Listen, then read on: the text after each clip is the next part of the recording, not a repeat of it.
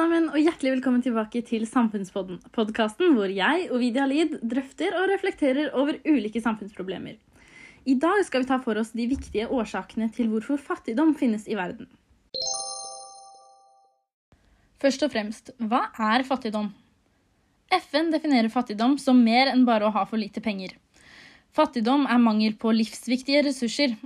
Fattigdom begrenser også menneskers mulighet til å leve verdige liv for å kunne skille mellom ulike grader av fattigdom brukes begrepene absolutt eller ekstrem fattigdom og relativ fattigdom. Ekstrem fattigdom innebærer at man ikke får dekket helt grunnleggende behov, som mat, klær og hus. Ekstrem fattigdom rammer de menneskene i verden som lever på mindre enn 1,9 dollar om dagen. FN har regnet at 8,2 av verdens befolkning levde under denne grensen i 2019. Dette er en stor forbedring, og nedgang fra 1999, da 36 av verdens befolkning levde i fattigdom. Men det er fortsatt ikke godt nok. Jeg kunne snakket og diskutert om dette temaet i flere timer, men i dag skal jeg prøve å holde det litt kortere. Så derfor tar vi noen enkle spørsmål. Hvorfor er det slik at noen lever i ekstrem fattigdom, og noen lever i overflod av alt? Er ikke det urettferdig, eller har vi i Norge fortjent det mer enn andre? Jeg tenker i hvert fall ikke at det er slik. Jeg tenker at alle mennesker er født like, og alle fortjener de samme mulighetene. Men det er mange komplekse årsaker til fattigdom. Noen eksempler på ytre årsaker til at et land er fattig, er naturkatastrofer, klimaendringer, manglende utenlandske investeringer eh, og ufordelaktige handelsavtaler. Mens noen eksempler på indre årsaker til et land er fattig, eh, altså at det skjer innad i landet, er f.eks. dårlig styresett, arbeidsledighet, uorganisert arbeidsliv, kvinneundertrykking, lav kompetanse, dårlige skoler, barnearbeid, eh, rovdrift på naturressurser og manglende skattesystemer. Til slutt noen eksempler som skyldes både indre og ytre forhold. Krig og konflikt, uhåndterlig utenlandsgjeld og korrupsjon er noen av de store tingene. For å forstå hvorfor noen land fortsatt er fattige, må man gå tilbake i historien. Før den industrielle revolusjonen på 1700- og 1800-tallet var fattigdom ganske vanlig både i Norge og andre land i nord. Det manglet ofte mat i tiden før bøndene tok i bruk moderne maskiner, slik at maten kunne produseres raskere.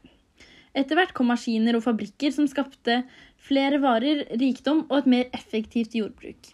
Folk fikk maten de trengte, og tjente penger til å kjøpe varer og tjenester. Den industrielle revolusjonen skjedde i Europa og USA, altså i nord. I Afrika og Asia kom industrien mye senere, slik at fattigdommen varte lenger i disse områdene. En av de største årsakene til fattigdom i dag er klimaendringer, noe altså de rike og oss har mest ført på. Klimaendringene fører til stadig mer ekstremvær, som orkaner og tørke. Ekstremvær kan finne sted overalt på kloden, men noen områder blir hardere rammet enn andre. F.eks. opplever landene som ligger rundt, eh, rundt ekvator, mest ekstremvær enn alle andre. Mange av de fattige landene i verden ligger nettopp her. Fattige land har få ressurser til å forebygge eller forbedre seg på ekstremvær, og til å bygge seg opp igjen etter naturkatastrofer. Derfor er de svært sårbare til disse ødeleggelsene. Hvordan et land styres, er avgjørende for utviklingen av fattigdomsreduksjon. Et land med godt styresett har institusjoner og ledere som tar vare på befolkningens behov. Tilsvarende har land med dårlig styresett liten evne, og i noen land, eh, og liten, i noen land også i liten vilje til å sørge for velferd og sikkerhet for sine innbyggere. F.eks. korrupsjon er et tegn på dårlig styresett og har alvorlige konsekvenser for samfunnet. Korrupsjon ødelegger for demokratiet og skaper stor mistillit til det politiske systemet. Dette kan igjen føre videre til krig og konflikter. Krig og konflikter gjør det vanskelig for mennesker å livnære seg. Staten bruker ofte mer ressurser på konflikten enn grunnleggende tjenester til befolkningen. Krig fører til at folk må flykte og forlate, eh, forlate jorda, jobben eller skolen sin. Alt dette hindrer økonomisk utvikling i landet. Noe jeg stusser spesielt over, er at ulikhetene mellom fattig og rik øker. Altså færre er i ekstrem fattigdom, men de som er fattige, er mer fattige. Ulikhet imellom land er grunn til bekymring. Selv om det har vært i utvikling, økonomisk vekst har bidratt til at flere land har blitt rikere, men det har ikke automatisk ført til mindre fattigdom. Hva må egentlig til for at ulikhetene skal bli mindre?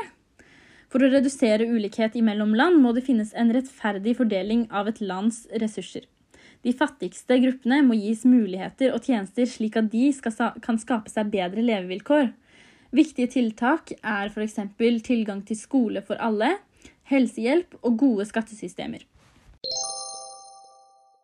Altså, for å bekjempe fattigdom hjelper det ikke å gjøre alle rikere, siden det vil øke fattigdomsgrensa. Isteden må vi omfordele ressurser til de fattige delene av samfunnet for å redusere ulikhet. Jeg tenker at mye av ansvaret ligger på regjeringen, eller de som styrer i landet. Fordi at for at et land skal endre seg, må politikken være godt målrettet mot den gruppen som man ønsker å treffe, nemlig de fattige. Det er ofte utfordrende. Og vi som sitter her hjemme i Norge, føler noen ganger kanskje at vi ikke kan gjøre noen ting med dette. Noe vi kan gjøre, f.eks., er å kjøpe mat, klær og annet utstyr fra bedrifter som er åpne om vilkårene til at arbeiderne respekterer de grunnleggende eh, menneskerettighetene. Vi kan spre kunnskap, og vi kan også støtte organisasjoner som f.eks. Strømmestiftelsen, som skal bekjempe fattigdom. Tusen takk for at akkurat du ville høre på. Hvis dere har noen spørsmål eller vil være med og diskutere, så er det bare å kommentere i kommentarfeltet. Og jeg håper dere likte denne episoden. Snakkes neste tirsdag. Ha det bra!